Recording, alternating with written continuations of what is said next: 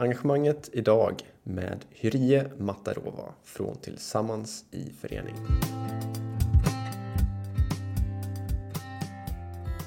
kommer till en viss ålder som tjej där du får välja sport eller eh, jobb och skola. För du vet att oftast i sporter du kommer inte få tillräckligt betalt för att klara dig i livet och då prioriterar man bort det.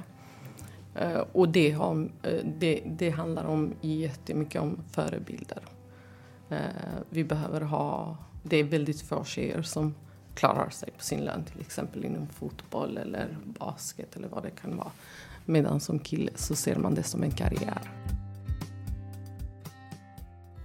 Välkommen till Engagemanget. En podd om människors drivkrafter där jag tillsammans med gäster försöker förstå mer om hur engagemang uppstår, utvecklas och lever vidare. Det här är också en podd om hopp. I en värld av katastrofer, pandemier, krig, fattigdom och allt annat elände finns det trots allt massor av positiva krafter. Människor som vill göra gott för andra, för ett samhälle som håller ihop. Jag vill att de här samtalen ska ge er tillförsikt till framtiden. Att ni inte är själva i era värv och vilja att skapa en bättre värld för oss alla. Min vision är att det här ska vara något slags poddarnas hoppets hamn. Genom dessa berättelser kanske det till och med växer en gnista hos dig kring något du vill förändra och att du känner att det faktiskt är möjligt att ta saken i egna händer. I dagens avsnitt träffar du alltså Hyrie Matarova Hyrie är verksamhetsledare för föreningen Tillsammans i förening och hon har varit en drivande kraft i föreningens utveckling alltjämt sedan den grundades för cirka tio år sedan. Våra vägar har korsats i en rad olika sammanhang under åren och det går verkligen inte att värja sig mot hennes engagemang för att få fler unga delaktiga i stadens utveckling. Vårt samtal kommer att handla om sjunkande valdeltagande vad det kan bero på och vad vi kan göra åt det. Om att möjliggöra för fler att få en röst och att kunna påverka. Om hur sociala medier påverkar våra liv. Dessutom om hur vi borde arbeta för att inga barn och unga ska ramla mellan stolarna, som det heter. Innan vi startar vill jag också passa på att tacka föreningscentret Nobel 21 och KC Kompetenscenter för att de lånar ut sin studio så att jag kan spela in det här. Stort tack för det, ni är grymma. Om du gillar det du hör idag så skulle jag också bli hemskt glad om du ville dela avsnittet till vänner och bekanta. Kommentera, recensera och varför inte prenumerera på podden. Så, nu till samtalet med Hyrie. Håll till godo och hoppas att du ska gilla det. Men uh, Hyrie Matarova, mm. varmt välkommen hit. Tack. Vi uh, kör nu tänker jag. Så jag skulle bara vilja börja med att säga att det är jäkligt kul att få sitta så här med dig en stund. Mm. Vi har ju känt varandra ett tag och våra vägar har korsats på, på många olika sätt i olika projekt och så vidare. Men aldrig fått tillfälle att uh, sitta så här och prata med dig. Så det är grymt kul. Så det ser jag fram emot. Får jag börja med en uh, liksom kontextfråga uh, kring Tillsammans i förening. Mm. Jag formulerar den så här varför behövs Tillsammans i förening? Är det en, en, en bra fråga att börja med tror du? Ja, uh, ska vi se. Uh, varför behövs Tillsammans i förening? Jag önskar att det inte gjorde det. Uh, och jag har väl jobbat under tio år för att den inte ska behövas. Mm uh, men den behövs för att det är väldigt få föreningar som jobbar i Malmö med att eller det finns väl väldigt många förening, föreningslivet i Malmö är väldigt rikt. Mm. Men jag tror att det finns väldigt få föreningar där det är unga som planerar och arbetar med sina egna projekt. Mm. Uh, och, och, jag tror att det behövs för att de ska veta att det, det går att engagera sig och det går att göra förändringar på egen hand. Mm. Men också uh, jämställdhetsfrågorna ska drivas av dem själva. Uh, rätten till fritid. Mm. Så Tillsammans i föreningen beh behövs uh, för att se till att unga själva känner ett engagemang. Mm. Nu på tal om engagemang så skriver ni ju det på er hemsida. Att ni finns till för att öka engagemanget bland Malmös unga. Så vad tycker du då om dagens unga? Är de eh, tillräckligt engagerade? Har engagemanget förändrats? Vad kan du se under den tiden ni har varit verksamma här? Alltså det har förändrats på så sätt att jag tror att när vi började eh, det var mer en känsla av tacksamhet. Att man fick vara med och bestämma eller Okej. tycka till. Vilket det aldrig borde ha varit så. Mhm. Och idag så engagerar man sig men man vill också se resultat. Mm. Och, och det handlar inte om att de inte är engagerade. Det handlar om att eh, om de försöker prata med vuxna människor eller med olika typer av eh, verksamheter och de känner liksom att nej men det finns liksom ingen resultat därefter. Alltså det, det blir liksom ingen handling. Då kanske man slutar vara det. Men ser de en förändring och att deras åsikter faktiskt tas med och man tar hänsyn till det. Och att man har liksom ett språk där man förklarar för dem från början. Det här får du vara med och bestämma och det här kan du inte. Mm. Mm. För att det finns liksom, då, då är det självklart för dem också. Mm. Så jag tror inte att engagemanget, att de inte har ett engagemang utan det är mer att eh, tiderna har förändrats. På vilket sätt då? Eh, Kanske på många olika sätt. på många olika sätt. Men man är mycket mer medveten om sina rättigheter idag. Kanske än för tio år sedan. Det är också därför som eh, man kanske för tio år sedan kände att åh, så bra, de vill veta vad jag tycker. Och idag så är det en självklarhet. Och det, och det, det kanske också har en... Sociala medier har haft en påverkan på det. Jag vet inte, eh, på gott och ont. Jag är jag är inte väl så för sociala medier just nu. Om vi pratar lite grann om det. Att, eh, Mm. eh, jag upplever att de har haft en väldigt dålig påverkan på samhället och hur vi har tänkt på grä- gränserna om vad som är okej och inte okej.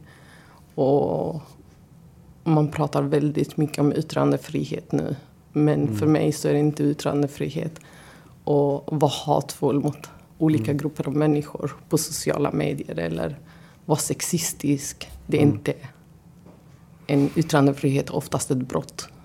Det är mycket som har förändrats eh, på de senaste tio åren. Men ändå det du börjar med att säga en, kan man ju se som en fin utveckling på något sätt. Där eh, ungdomar känner att de har rätt att vara delaktiga i sin egen framtid. Exakt.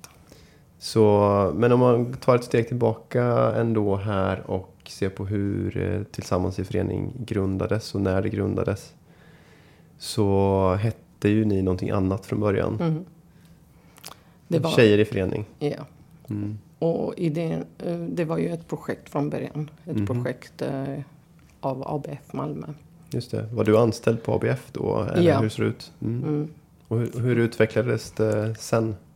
Alltså vi började med att se till att unga tjejer fick vara delaktiga i föreningslivet. Och anledningen till detta var då att det kom ut en nationell rapport om att i vissa områden, eh, framförallt tjejer 12 till 16 år, eh, delaktigheten i föreningslivet var lågt över hela landet bland tjejer men i vissa delar av landet mer än andra. Mm. Så tanken var från början liksom att få ut tjejer i föreningslivet. Mm. Och, och det, det är oftast så med samhället, olika samhällsproblem. Vi tror liksom att om vi fixar det här så, så lö- löser det sig. Det vi oftast glömmer är att eh, det är alltid flera saker som påverkar att man inte är engagerad. Mhm. Och ganska snabbt så såg vi ju att det är inte bara att föra in dem i föreningslivet. För det handlar liksom om socioekonomisk utsatthet. Mm. Det handlar om att man är begränsad på olika sätt. Mm. Eh, och man har så mycket ansvar. Som gör att man kanske inte kan gå på fritidsaktiviteter. och så är det så. Funkar inte skolan, fun- funkar inte hem så är fritid det minsta problemet. Liksom så. Mm. Eh, sen är det är en stor del av eh, det är jätteviktigt att barn är engagerade i olika föreningar oavsett om det är sport eller kultur eller eh, det blir liksom en helt annan eh, ingång för dem. Mm. Eh, Men det, allt annat måste också vara bra. Och sen så under tiden så upptäckte vi också att vi utbildar och ger tjejer, berättar för tjejer alla rättigheter de har och pratar om jämställdhet. Och, så, och sen så har vi en grupp människor som faktiskt är anledning till att de inte har eh, sina fulla rättigheter. Där männen och killarna är en stor del av det. Så då börjar vi engagera killar i det här också. Och så sen har det varit en jättestor diskussion internt bland de anställda, som då alla är unga människor, där man ville byta namn. Eh, Jag tror Tillsammans i förening är en sån där namn som i paniken. Jag tror inte någon är nöjd med det heller. Men man ville byta namn från Tjejer i förening till Ja. något annat för att känna sig inkluderad. Eh, och det var många grupper, det var inte bara killar som var exkluderade när man sa Tjejer i förening utan det fanns liksom Mm. andra som kände sig exkluderade. Och det är klart att då får man byta. Hur har intresset från killarna sett ut då eh, här? Du säger att nu, men nu är det ju en förening för både tjejer och killar. Mm. Mer uttalat kanske än vad det var från början. Ja. Hur har killarna själva engagerat sig eller velat vara med? På samma sätt som tjejer egentligen. Men vi har alltid haft en majoritet tjejer som har varit anställda hos oss. Eh, Sen är det inte en majoritet tjejer som deltar i aktiviteterna och i de olika projekten och så. Det är nästan lika. Eh, Så, men jag tror att det, det har hängt med Mm. lite från tjejer i föreningen. Att det är lite fler anställda tjejer än vad det är killar. Mm. Det är fortfarande färre tjejer som är eh, aktiva i i alla fall vad jag har sett på i idrottsföreningar också i föreningar generellt sett tror jag i Malmö. Mm. I den undersökningen Ung livsstil som du kanske känner till. Ja. Så visar man ju det. Eh, Och sen vet inte jag hur det har förändrats under åren men det är fortfarande samma typ av eh, problem kan man säga. Mm. Och det är för att det finns samma typer av problem i samhället i stort. Alltså, Just det. Mm. Vi, du kommer till en viss ålder som tjej där du får välja sport Mm. eller eh, jobb och skola. För du vet att oftast i sporter du kommer inte få tillräckligt betalt för att Mm. klara dig i livet. Och då prioriterar man bort det. Mm. Eh, och det, har, eh, det, det handlar om jättemycket om förebilder. Eh, vi behöver ha, det är väldigt få tjejer som klarar sig på sin lön till exempel inom fotboll eller Mm. basket eller vad det kan vara. Medan som kille så ser man det som en karriär. Mm. Mm. Eh, och det, det kvittar hur mycket du jobbar.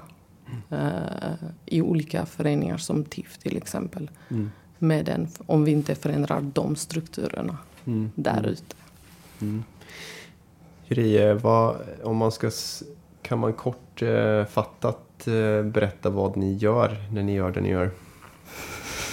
Ni har ju massor av olika projekt gående hela tiden men kan du säga någonting i kärnan av eh, Tillsammans i förening? Kärnan är väl att eh, alla projekt som startar, all verksamhet som startar ska ju komma ifrån barnen själva, ungdomarna Mm. själva. Så de måste ju se någon, någon typ av behov. Så det Av- kan vara i princip vad som helst? Exakt. Mhm. Eh, det, måste, det måste finnas liksom... Det, oftast så går det något år innan vi upptäcker att okej, detta är väldigt många som pratar om. Det är väldigt Mhm. många som vill... Om vi tar... Vi började 2017 så samarbetade vi jättemycket med Stadsbiblioteket i Malmö. Och det var för att hos oss var behovet av att skapa en mötesplats centralt där barn och unga kunde mötas över stadsgränser. För att man hade pratat jättemycket om att man håller sig till sin egen stadsområde. Mm. Man går beroende på vilket stadsområde mm, man bor i så går man till vissa gymnasieskolor. Man söker sig inte till... Eh, alltså man, även valet av gymnasieskola beror på vilket stadsområde du bor i. Och, och det, det, det var inte så på min tid. Alltså, när, det var på ett helt annat sätt. När man kom till gymnasiet så då möter man liksom barn och unga från alla delar av Malmö. Och man eh, möter ungdomar från andra kommuner också. Och där var man lika. Och nu är det inte så. Mm.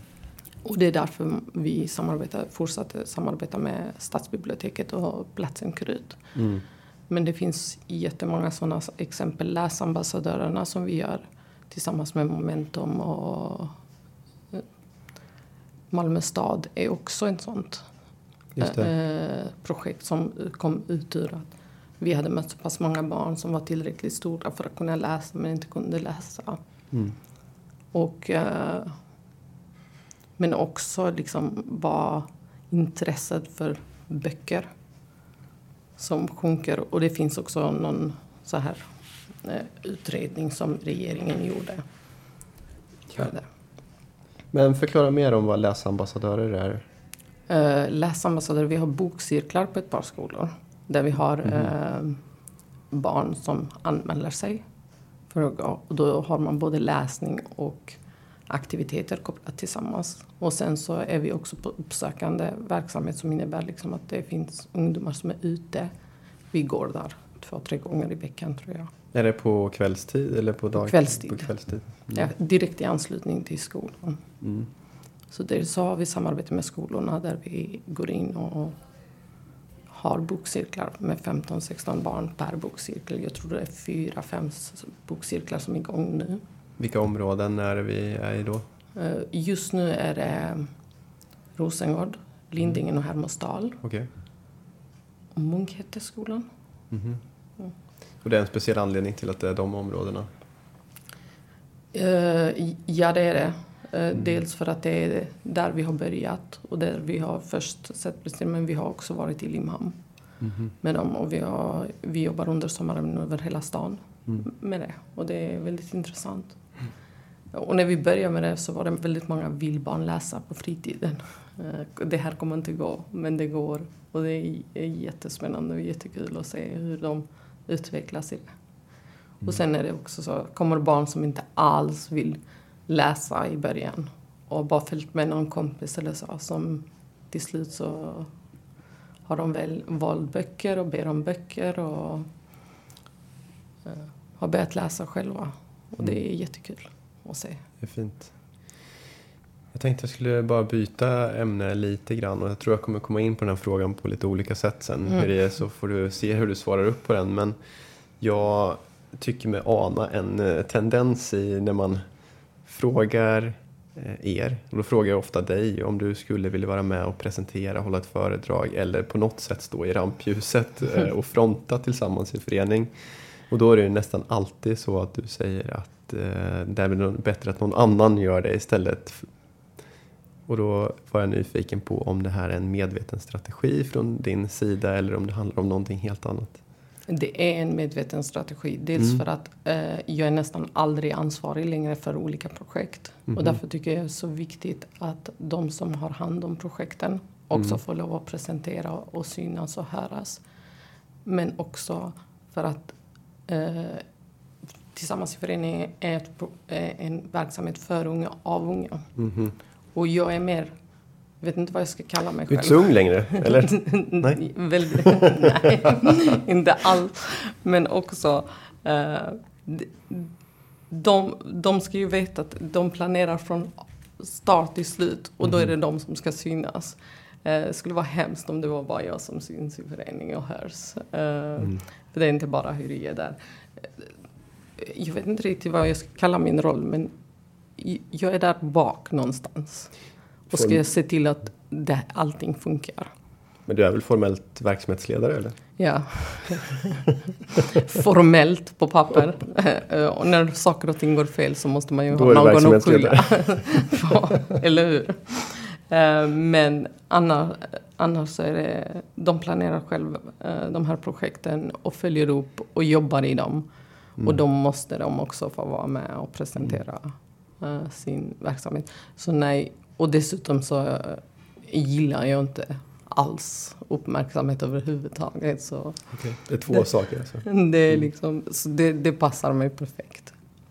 Jag tror att många ledare har någonting att lära här. Eller organisationer kanske generellt sett där man skickar fram sin ledare ofta att uttala sig medan det är experter bakom som egentligen kanske skulle stå där och prata om sin verksamhet eller sådär. Så det är en balansgång, men jag är ändå glad för att du vill vara med här och prata för att på något sätt så är det ju en, ofta som jag ser det i alla fall, en drivande kraft som också behövs. Mm. Och så har det sett ut utifrån när jag har sett på er verksamhet att det kanske är du som är den drivande kraften och har varit med så pass länge eh, och tar ändå så många initiativ för att liksom, utveckla verksamheten. Jag vet inte om du delar den bilden men Jag, jag tror inte att jag är den enda drivande kraften. Inte den enda, men- Nej, men, eller den största. Men jag tror att det har skapats en kultur Mhm. internt eh, på TIF. Eh, och och det, det är ingenting vi kan riktigt ta på det. Mm. Men eh, nu, nu är det så här. Jag, jag har varit med från början. Mm. eh, Och eh, haft väldigt fina kollegor till en början med. Och där skapades man också, vi tillsammans. Vi jobbar alla tillsammans. Mm. Och sen så tog vi in unga människor som skulle göra jobbet. Och det var samma sak där. Vi är kollegor, vi är arbets... Vi driver på på olika sätt. Och, sen så, den generationen som jag lärde upp, lärde upp nästa generation och sen nästa generation. Så det går. Och när du inte själv hela tiden som vill ha den här typen av uppmärksamhet. Det är jättetråkigt när det är samma person som hörs hela tiden och syns hela tiden. Jag tycker att det är jättetråkigt. Det är, och speciellt, det kanske så ser ut så i andra städer också, men i Malmö så är det bara vissa som får hö- höras och synas. Och, och då är det en jättestor grupp som inte får synas och höras. visst. Eh, sen är det också så, eh, vissa av oss har kanske, alla har en röst, men vissa av oss har eh, möjlighet att ge andra en röst. Och då måste du lära ut detta. Du kan inte lära ut det när det är bara du som hörs och syns. Eh, så ge, Ja, jag tycker jag känner igen eh, det, det, det här när, jag, när du säger det så, så slår det mig så här, alla jag har träffat genom åren som på något sätt har varit anknutna till Tillsammans i föreningen, jobbat i eller varit engagerade bär med sig den här kulturen du pratar om som är svår att ta på men det är ändå någon slags känsla av att de själva har rådighet att ta initiativ och stå rakryggade i det de gör och tro på sig själva. Och att de själva är betydelsefulla och så vidare. Som är väldigt fint tycker jag. Ja. Och, och jag brukar säga alltid till dem, ni, ni blir inte skickade till ett möte eller till ett nätverk eller någonstans utan att ha mandat och fatta beslut. Ni behöver inte komma tillbaks. Jag tror framförallt i början, när de bygger upp det här, alltså de bygger ju upp själva det här med att ta ansvar och så, så säger jag okej, nu är detta ditt nätverk. Och då skickas du dit.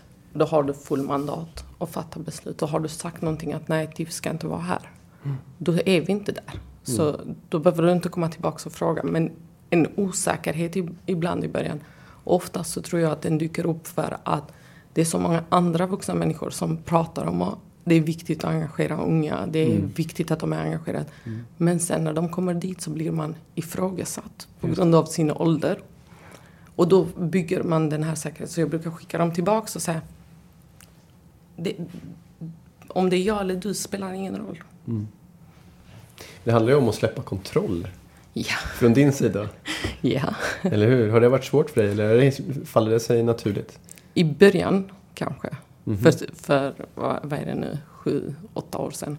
Men inte nu längre. Nej. Nej. Har det gått fel någon gång? Ja. ja, det har det. Vi gör alla fel. Och det be- behöver inte betyda att det har hänt för att de är unga eller Nej, för att det är de som har varit. Utan det kan mycket väl ha gjort, varit jag som har gjort eh, fel. Man gör felbedömningar. Ja, men det är klart, det, all, all, det kan alltid bli fel.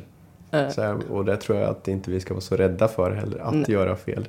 Nej. Det är en del av utveckling, att Men- testa sig fram och se vad som blir rätt eller fel. Så. Exakt. Så det, det som är, är viktigt är att det vi gör det ska vara rätt. Och det ska ha... Det, det ska vara, inte vara så att föreningen gynnas av det vi gör. Utan det måste vara de unga människorna vi jobbar för som gynnas. Så alla samarbeten, alla projekt vi går in i är, har den tanken. Sen har vi ju en värdegrund och stadgar som vi måste följa. Mm. Eh, Men det ska alltid vara så att i all samarbete vi har så ska vi fråga oss själva. Vad är barnen vinner på det här? Vad är unga människor vinner på det här? Mm. Varför är vi med här? Och, och när alla i organisationen vet det så spelar det ingen roll vem du skickar Nej, just det. iväg. Och, och, och alla på TIF tycker att det är jätteviktigt med samarbete. Mm. Så vi vill helst inte göra någonting på egen hand. Mm. Utan vi vill samarbeta med andra aktörer och andra organisationer. Sen finns det som sagt utmaningar just när det gäller unga och, unga och andra verksamheter som bara har människor över 25 år. Kanske inte ligger så mycket hos de unga, kanske ligger hos de andra också, Exakt. problemet. Mm.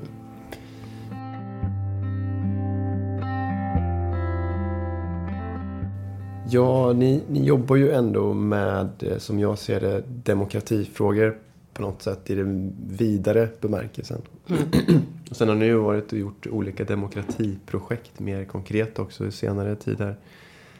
Men jag tänkte att vi skulle vilja, vilja slänga oss in i, den, i det här samtalet som är eh, på något sätt alltid skrämmande för mig själv för att jag tycker det är svårt att prata om demokrati. Mm. Men samtidigt så tycker jag att vi alla som medborgare har en skyldighet att hålla ett samtal levande om demokrati. Mm. Eh, inte bara när det är eh, valår utan däremellan också.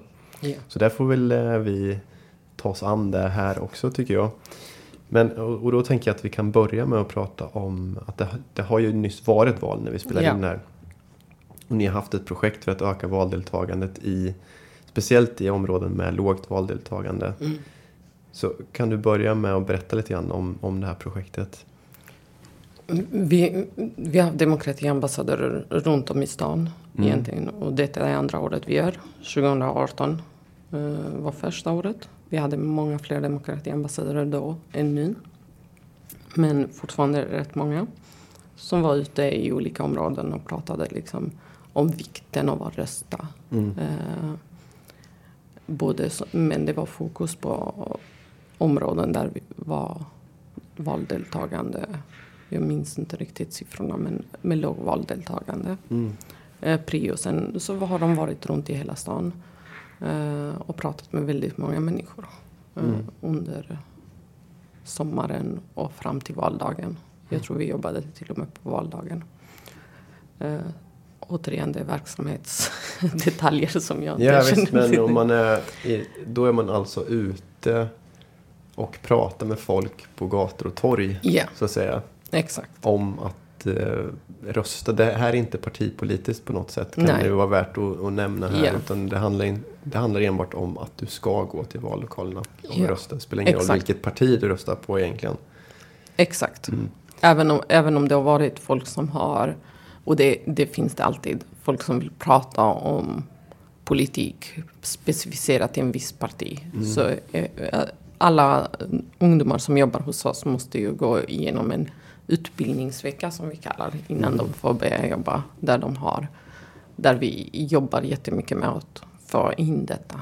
Att vi är politiskt, partipolitiskt obundna och vi är religiöst obundna. Så det är jätteviktigt att vi inte tar med oss våra egna åsikter. Så är det bara att prata om hur viktigt det är att rösta. Gå och rösta precis på vad du vill, bara rösta. Mm. Så det var ju, ni var ju inte ensamma om att göra ett sådant här projekt. Utan det var ju ett tiotal andra föreningar också som, som gjorde eh, insatser för att höja valdeltagandet strax innan valet. Det kanske var för sent i tid egentligen. Men det var ändå ett tiotal föreningar som gjorde det här arbetet. Samtidigt nu kan vi ju konstatera då att valdeltagandet generellt i Sverige eh, och då i synnerhet i Malmö har sjunkit. Eh, Och speciellt i Malmö så kan man se att det har sjunkit mer i de områden som det redan var lågt. Är ju vissa. Till, till, ja, i vissa. Men till trots för att Att- vi har jobbat aktivt med det. Så hur, hur resonerar man kring det här egentligen? Vad, vad, vad tänker du om det? Alltså jag själv är i chocktillstånd. För att, alltså jag Mm. fick siffror någonstans eh, förra veckan tror jag. Där vi hade pratat med 26 000, över 26 000 medborgare. Bara eh, ni har gjort det? Bara vi har gjort Mhm. det. Mm. Eh, lite lägre än vad vi gjorde 2018 tror jag det var över 30. Men eh, ingenstans hade vi någon indikation. Ja, det finns alltid folk som säger jag tänker inte rösta. Eh, mm.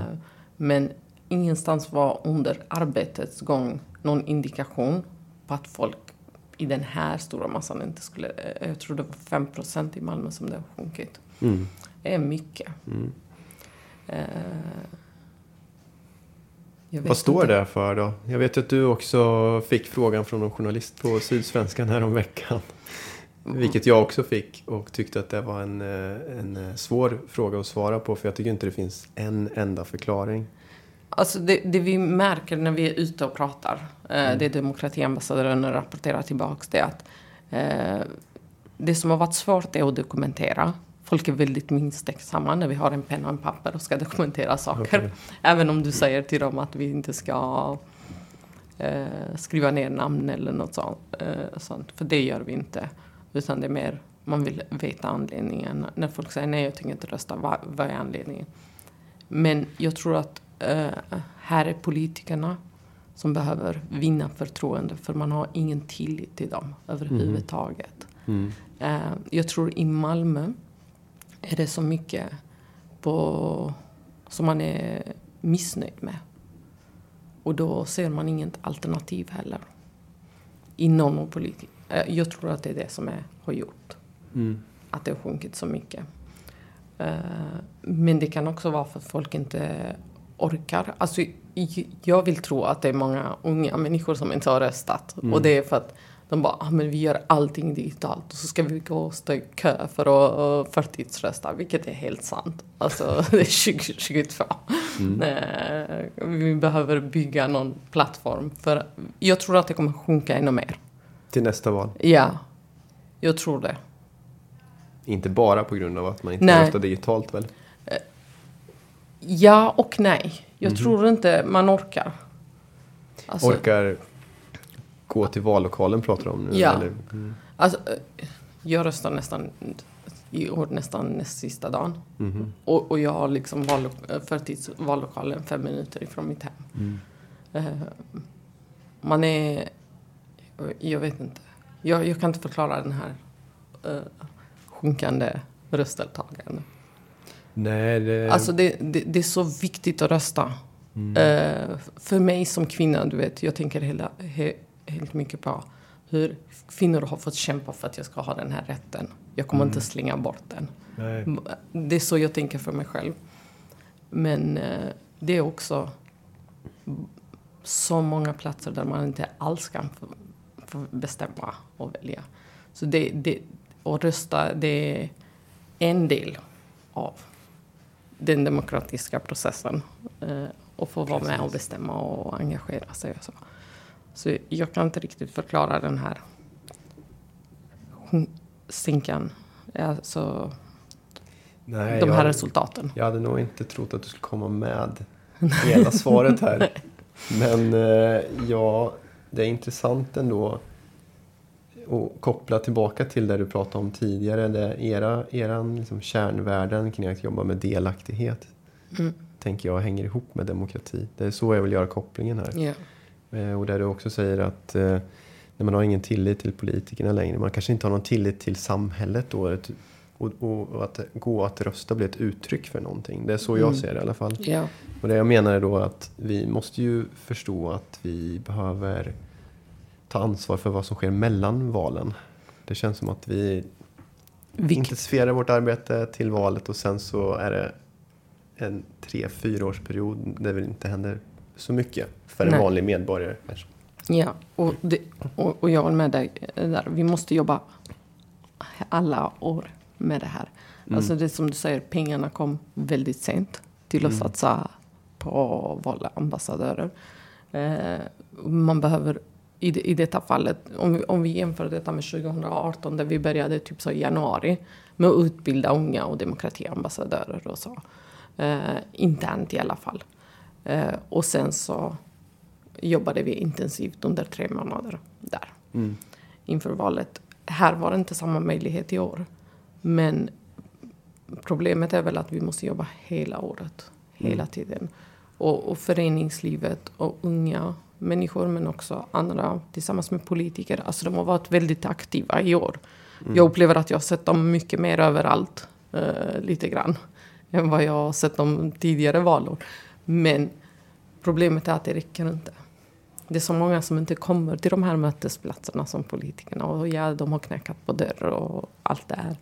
Men det räcker inte, för vi måste jobba hela året med. Mm. Och, och de måste se en skillnad. Jag mm. tror att det, om, om det är dåligt i ett visst område och, och, du upplever att det är samma sak om och om igen. Mm. Då är det inte så konstigt att har sjunkit just i de områdena heller. Att det inte spelar någon roll om man röstar eller inte? Exakt. Mm.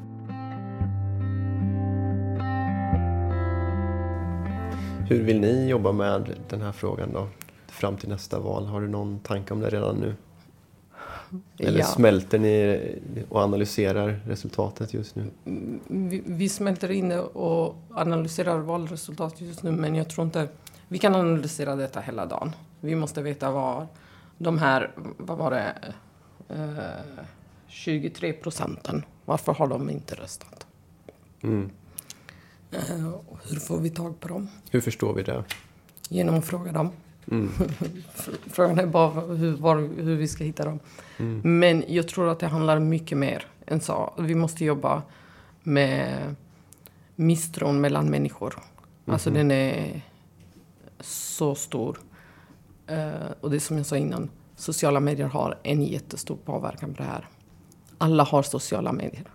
Oavsett ålder. Någon mm. typ av social medier. Och, och det som sprids uh, mellan olika folkgrupper. Alltså, det har blivit så vanligt att säga saker som det inte var vanligt för tio år sedan. Mm. Och normalt. Och, och vi tänjer på gränserna. Och sociala medier är en sak och sen så kopplar vi media. Mm. Folket. Alltså våra tv-kanaler. Mm. Eh, saker och ting blir normaliserat. Hatet blir normaliserat. Och, ja. och används som yttrandefrihet. Och det är helt... Det är det vi måste jobba med. Mm. Berätta vad som är yttrandefrihet och vad, vad, vad som faktiskt är ett brott i Sverige. Alltså mm. hatbrott är lagstiftat mm. i Sverige. Men ändå så får detta ske. Mm. Och jag tror det, det är mycket med det som jag tänker att vi ska jobba med. Har inte riktigt uh, plan men jag hör att det är det som det pratas internt med också. Mm. Om, så vi får se. Vi... Någon inriktning på sociala medier har jag. Men eh, jag tror inte det är en underdrift det här med det du säger om sociala medier. Jag tror vi har underskattat betydelsen av och påverkan på våra liv som det gör och har gjort. Eh, och det har skett så pass snabbt så vi nästan inte har hunnit reagera på det ens en gång. Mm. Du vet, det här är ju något, ett fenomen som har funnits i, vad är det?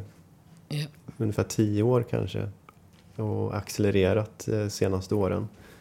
Du hör så mycket nu. Referer allting refereras till TikTok. Jag är inte inne där. Men man bara...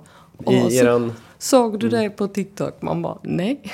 och och det, kan, det kan omöjligt vara sant. Eh, det är så mycket rykten, felinformation eh, som sprids på de här sociala ja. medierna. Och, och, jag, och jag upplever också även välutbildade människor. Mm -hmm Eh, jag, jag har gått ut ur allt. Jag har lämnat LinkedIn, jag har lämnat allt. För att jag blir irriterad när eh, du, du ser någon du känner, du har jobbat med den här personen, så bara delar de en inlägg utan att faktiskt titta på det. Ja, exakt. Jag upplever att de inte har tittat. För att jag mm. tänker liksom, jag jobbar med den här personen, den här personen kan inte ha delat den här inläggen och läst det. Mm. Utan det har blivit mer som en trend. Tom delar det, så då delar jag också det. Du litar på mig och så Exakt. delar jag bara det vidare utan att kolla. Uh, ja. och, och, och, och sen ska du då lära barn och unga att vara, vara kritiska till olika information. Det, det är liksom okej, okay, men har du de här barnen och unga på din LinkedIn eller Facebook eller Instagram och så. Mm. För de ser det du delar. Mm. Och, och det, blir så, det har blivit så, jag ska inte säga farligt, men illa eh, sätt att tänka på.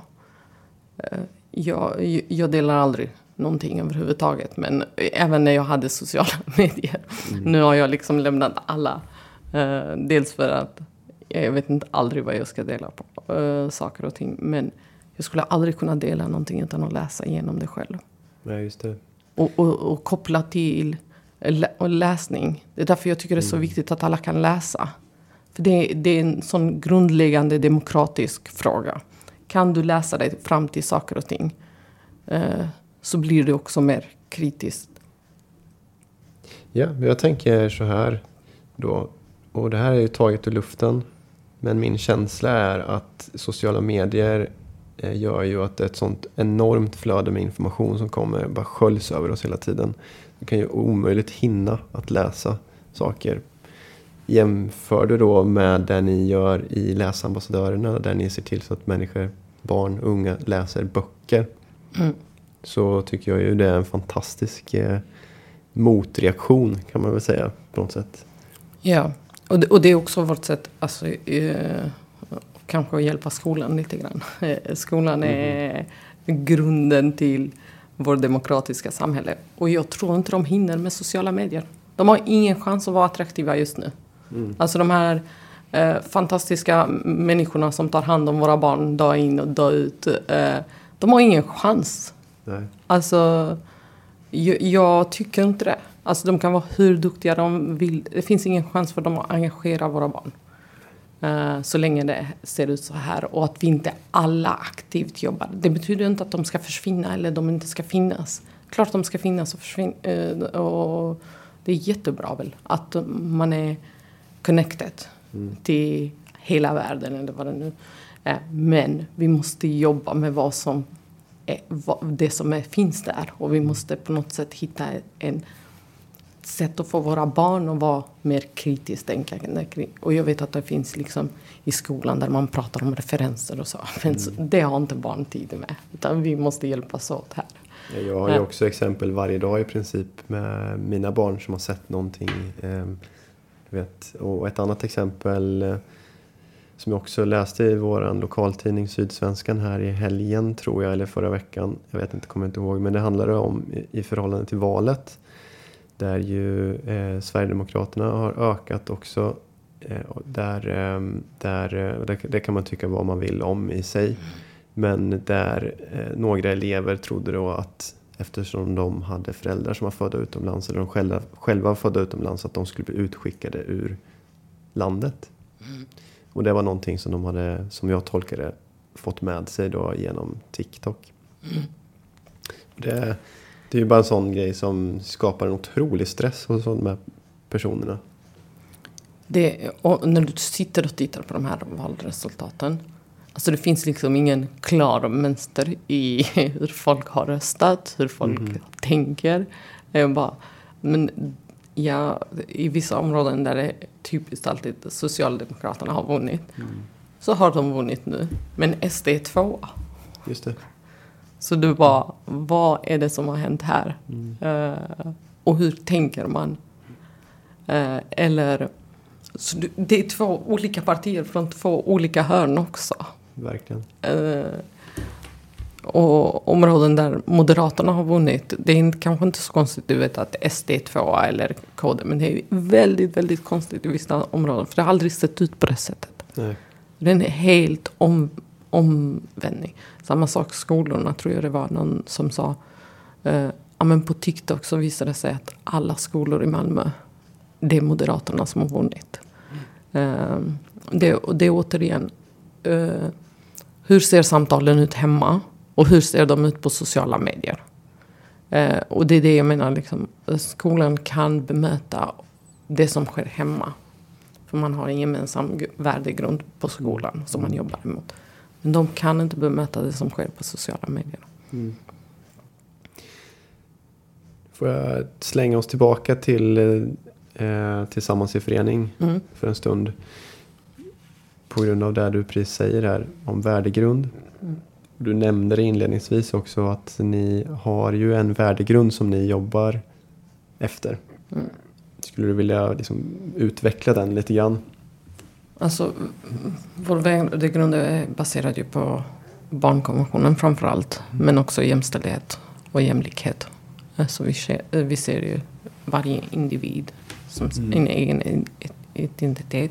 Mm. Så det är den, det stora hela i vår värdegrund. Alla människors lika värde. Eh, och det är också därför det är viktigt för oss att samarbeta med människor som ser det på det sättet. Mm. Eh, jag har också jättesvårt att se eller tänka mig in på hur människor tänker att man är mer värd än någon annan.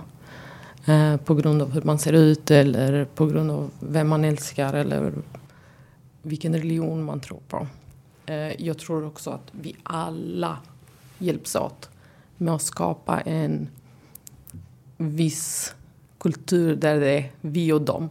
Det är ingen som vet vem de är och ingen som vet vem vi är. Men, och, vad, och vad det ens betyder. Men vi har skapat ett samhälle där det finns en vi och dem-känsla. Och Mm. den jobbar vi stenhårt mot på TIF. På olika sätt. Just det. Allt ifrån uh, ungsommargrupper där de får jobba över hela stan, möta ungdomar från hela stan.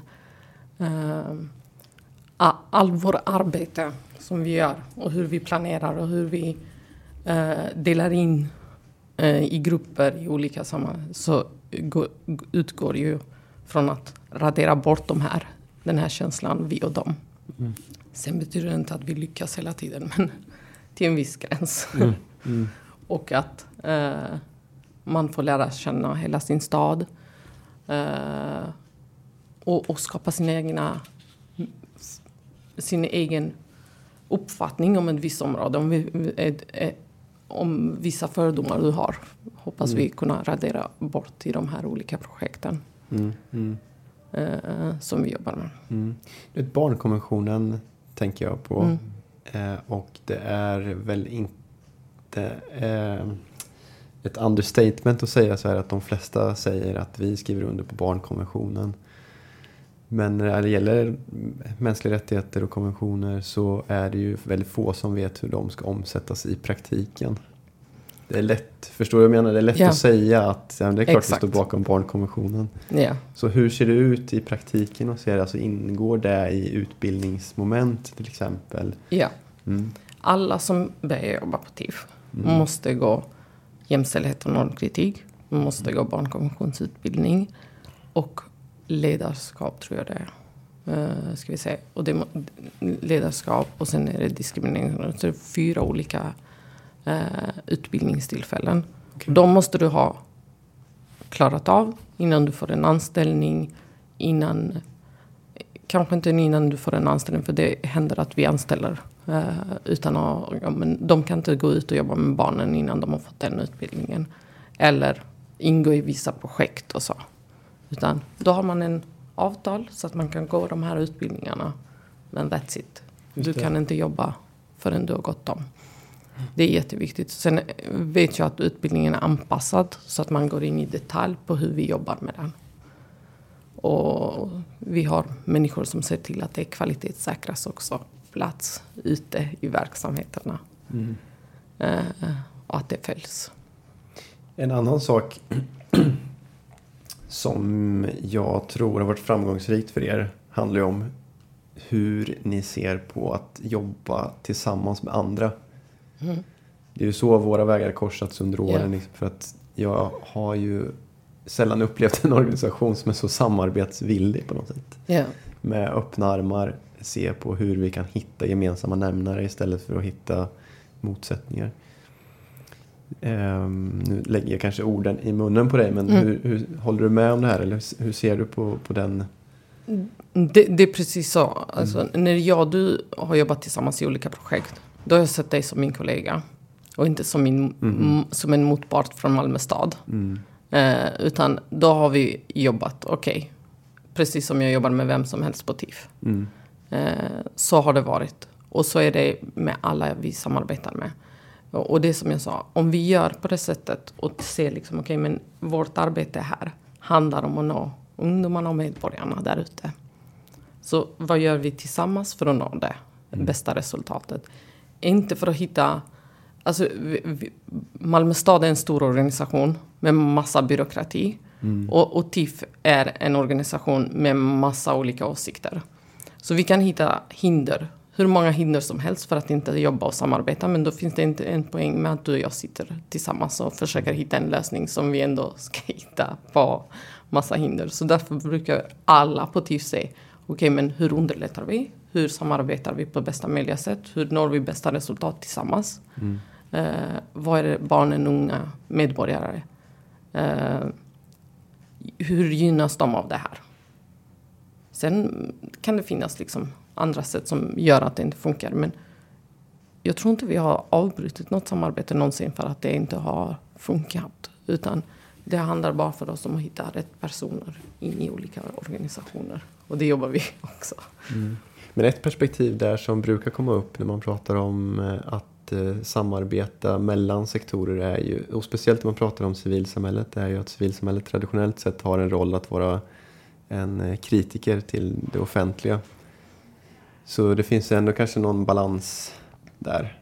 Upplever du att du fortfarande som organisation kan vara kritisk till det Malmö stad gör eller andra offentliga myndigheter?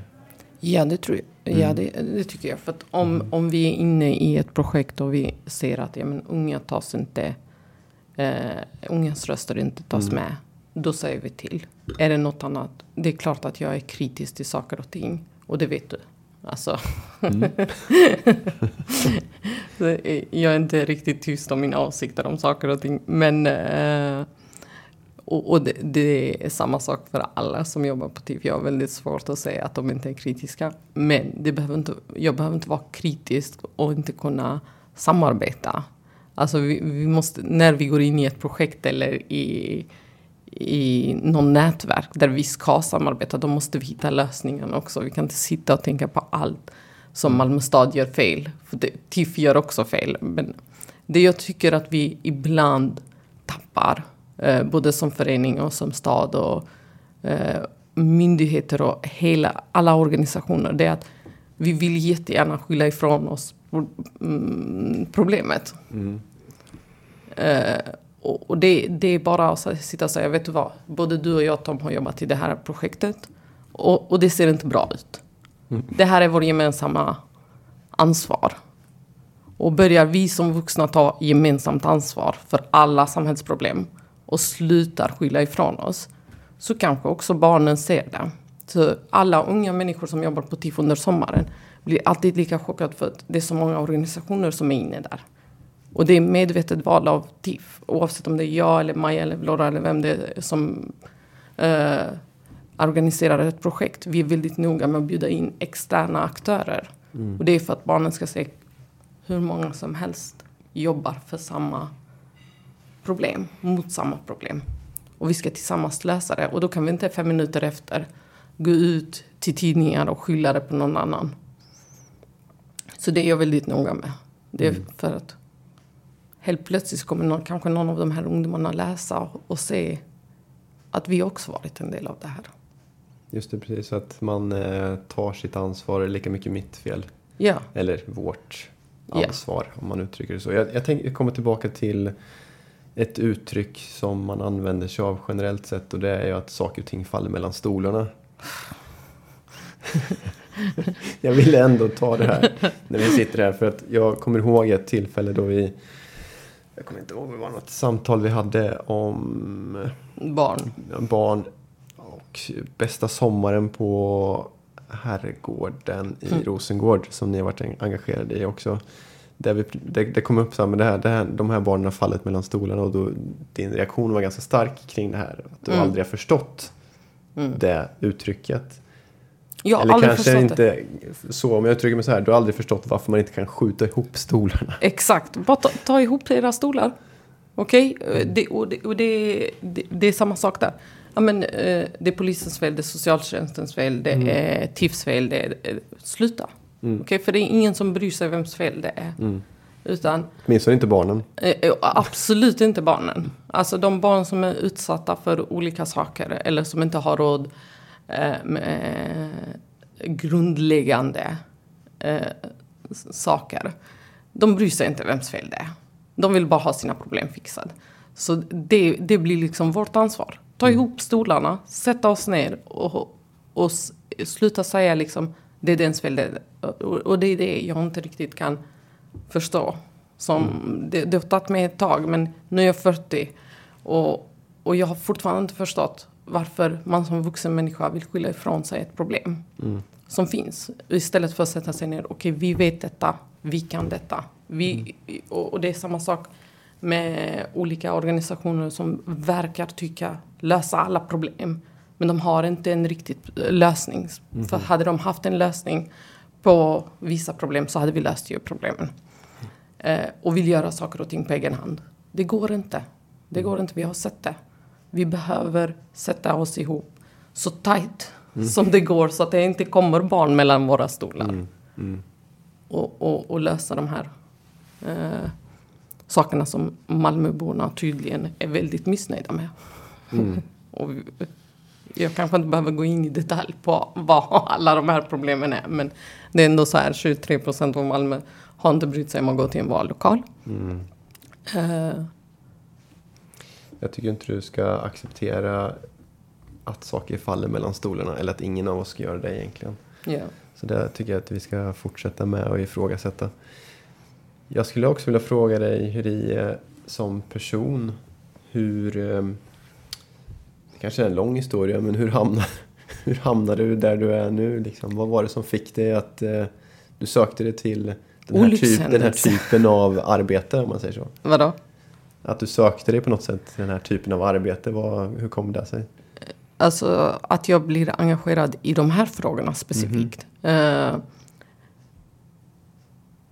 mycket bra fråga. Men jag har alltid dragit... Uh, eh, jag, jag tror att även som liten har jag tyckt att det var jättejobbigt med orättvisa och människor som inte har det lika bra. Uh, och och nå- nu vill jag inte låta så, eh, men det har alltid varit... Bar- jag kommer ihåg när jag upptäckte barnkonventionen. Det första jag tänkte på, vänta, har den funnits medan jag var liten? Var har den varit? Du vet så. Eh, det, det var min första tanke. Och så, så blev det ganska tidigt. Redan på universitet så var det typ så här, jag ska se till att alla barn kan barnkonventionen. Men jag var också ung så jag förstod inte att okej, så barn vet om barnkonventionen. Vad ska de göra av den?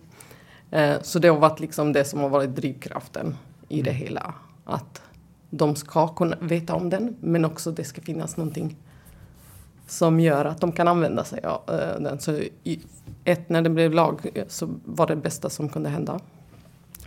Tyckte jag. Som har på olika sätt försökt få det igenom. Men då har det, hur har det tagits uttryck i olika engagemang under åren? Antar jag, för du började ju inte i, tillsammans i förening förrän för, var det tio år sedan ungefär? Ja. Mm. Ja, det har det. På, oli- på, I olika sammanhang har jag jobbat. Eh, Specifikt riktat med barnkonventionen och alltid sökt jobb också som har koppling till barnkonventionen. Kommer du fortsätta med det så länge du lever tänkte jag säga. På, på något sätt så kommer jag fortsätta jobba med barn, ja. Mm. Mm. Det, det är också för att i, det är som jag sa innan, vi har alla en röst. Det är bara det att vissa av oss får inte lov att använda den på samma sätt. Och, och barn är väl en sån eh, grupp människor som folk inte riktigt tar på allvar. Det är alltid någon annan som vet bättre. Eh, så det, det är liksom en sån viktig grej för mig. De, de vet bäst om sina egna liv och, se, och kan faktiskt väldigt mycket. Mm. Det bara gäller att ta oss tid och, och hitta vägar. Om vi ser framåt då. Vad är det du har kvar att göra? Eller sån, vad är det du känner att eh, du vill eh, göra nu i närtid eller på lång sikt? Då tänker jag kanske först, först på jobbet, men det kan vara personligt också.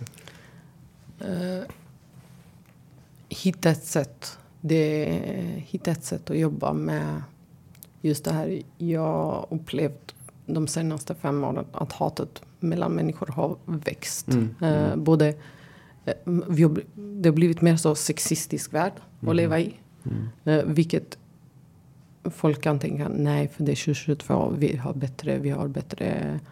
Nej, fast sättet som kvinnor, flickor blir behandlat idag det blev inte behandlat när jag var 15.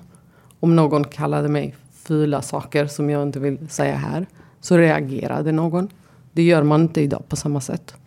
Eh, så det är väl, om jag ska säga, hitta ett sätt att vara en, en riktig informationskälla och få människor mer att tänka till. För att sociala medier kommer inte försvinna. Eh, och de ska inte försvinna. Men vi måste hitta ett sätt på vem som får uttrycka sig vad man får uttrycka. Och det handlar inte om att begränsa människors yttrandefrihet.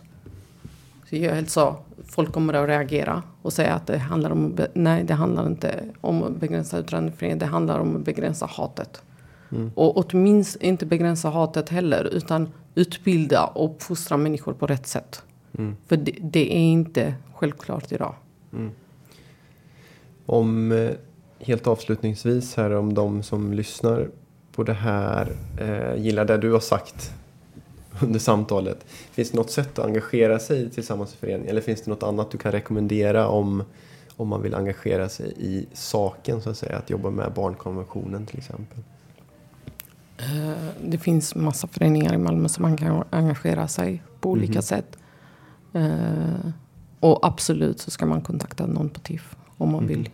Om man är ung och vill mm. jobba där så ska man definitivt kontakta folk på TIF. Det finns, tror jag, på hemsidan. om mm. jag inte säger fel. Jag har inte varit där på ett bra tag. Men eh, det ska finnas en länk till rätt person där. Det är inte jag som anställer heller. Så mm. mm. de anställer eh, varandra. Liksom. Det finns någon som är ansvarig för det. Är det någonting som jag har glömt att fråga dig som du skulle vilja säga här? Nej, tror jag inte. Då får jag tacka dig så hemskt mycket för det här samtalet, Viré. Tack, Tom.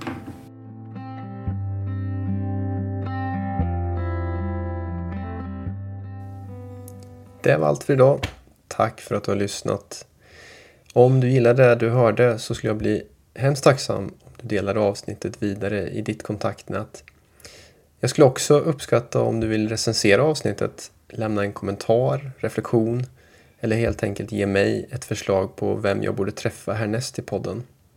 Numera hittar du även engagemanget på Instagram där jag kommer att göra löpande uppdateringar om podden. Allt gott och ta hand om dig. Hej!